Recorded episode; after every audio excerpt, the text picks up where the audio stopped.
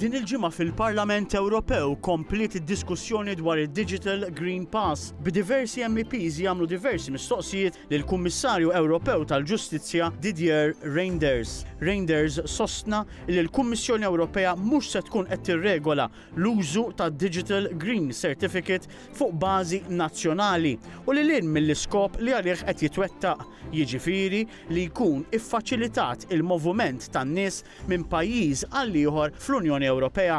Dan qalu fid-daw tal-fatt li għaddejja diskussjoni f'diversi pajjiżi bħalissa, inkluż Malta, li titratta l-użu ta' dan iċ-ċertifikat ta' vaccinazzjoni biex persuna tkun tista' tattendi attivitajiet jew tidħol għal festivals illi għalihom ikunu qed jattendu l-masess. Huwa qalu koll iżda illi użati lokalment dawn iċ-ċertifikati xort għandhom josservaw il-liġi tal-GDPR u li jkun jirrispettaw in-neċessità u l-proporzjonalità kif ukoll li jkollhom bażi legali illegali. F'Malta l-Ministru għat-Turizmu Clayton Bartolo fil-waqt li ħabbar diskussjonijiet bilaterali mar renju Unit għamilha ċara li jekk id-diskussjoni dwar il-proposta ta' Digital Green Certificate id-dum tkarkar, il-Gvern Malti jkun lest jagħmel ftehim bilaterali ma' pajjiżi oħrajn.